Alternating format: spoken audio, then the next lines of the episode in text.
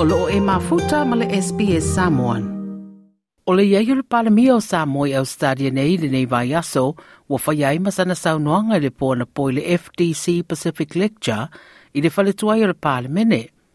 O fia me Naomi Mataafa o le lona fitua i lea o palamia o Samoa, ma o le urua i tamaitai fo i ua tō fia i lea tō finga pe ona sira fia le tō tele na mua i uru fale i le pale mene le afim se lau walus furu lima, ma e tele tō finga o le kapeneta sa ia umia e au fia ima le avea ma ulu wa i sui pale mia ta mai tai o Samoa. O le FDC Pacific Lecture na whaatuina whaapitoa mo le lango ai o le Foundation for Development Cooperation ngā le rua whaatasia i Male Lowy Institute.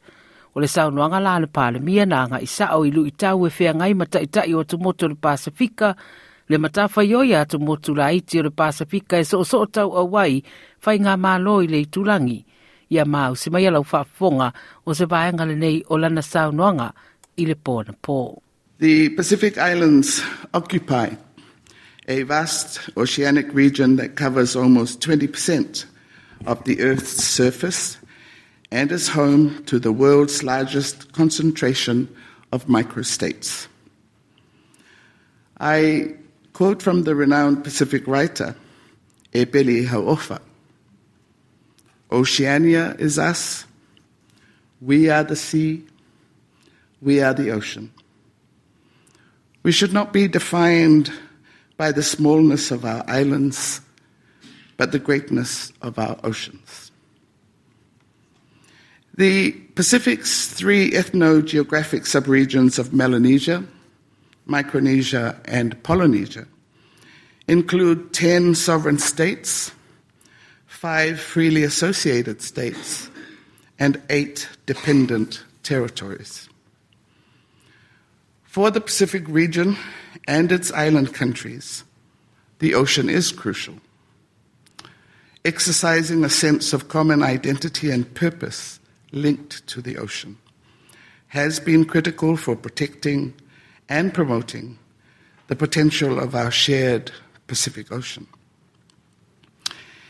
It is this commonality of the fundamental essence of the region which has the potential to empower the region through collective and combined agendas and actions. The Blue Pacific narrative will strengthen the existing policy frameworks that harness the ocean as a driver of a transformative sociocultural, political, and economic development of the Pacific. And it gives renewed impetus to deepening Pacific regionalism. We know that we can do more together than alone. While Pacific countries vary widely in population, economic circumstances, development, political status, and stability, they face several common challenges, each amplified by the def- devastating impact of COVID-19 pandemic and the pervasive impacts of climate change.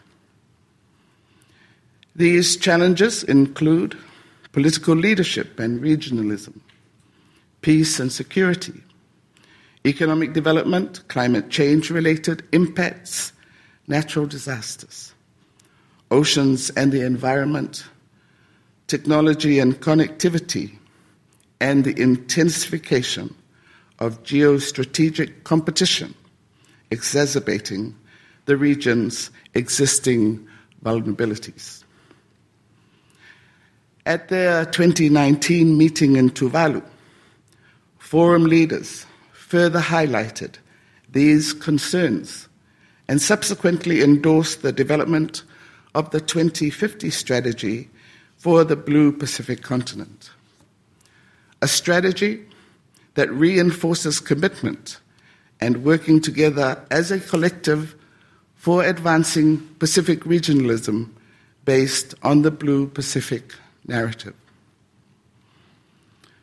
Pacific Island leaders have nonetheless recognized the need for a new, inclusive, and game changing approach to Pacific regionalism.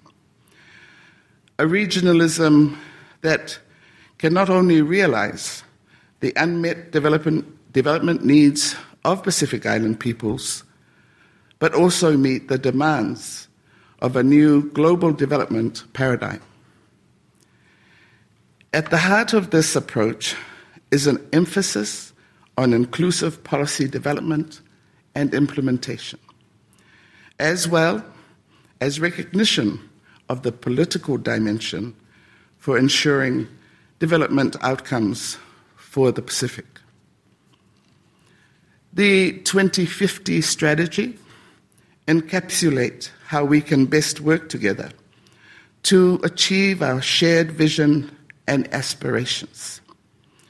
It is based on the firm recognition of the strategic, cultural, and economic value that our Blue Pacific region holds for us and our shared commitment to protect and leverage this value. Like, share, mafaali so ufinangalo, muli muli ile SBS Samoan ile Facebook.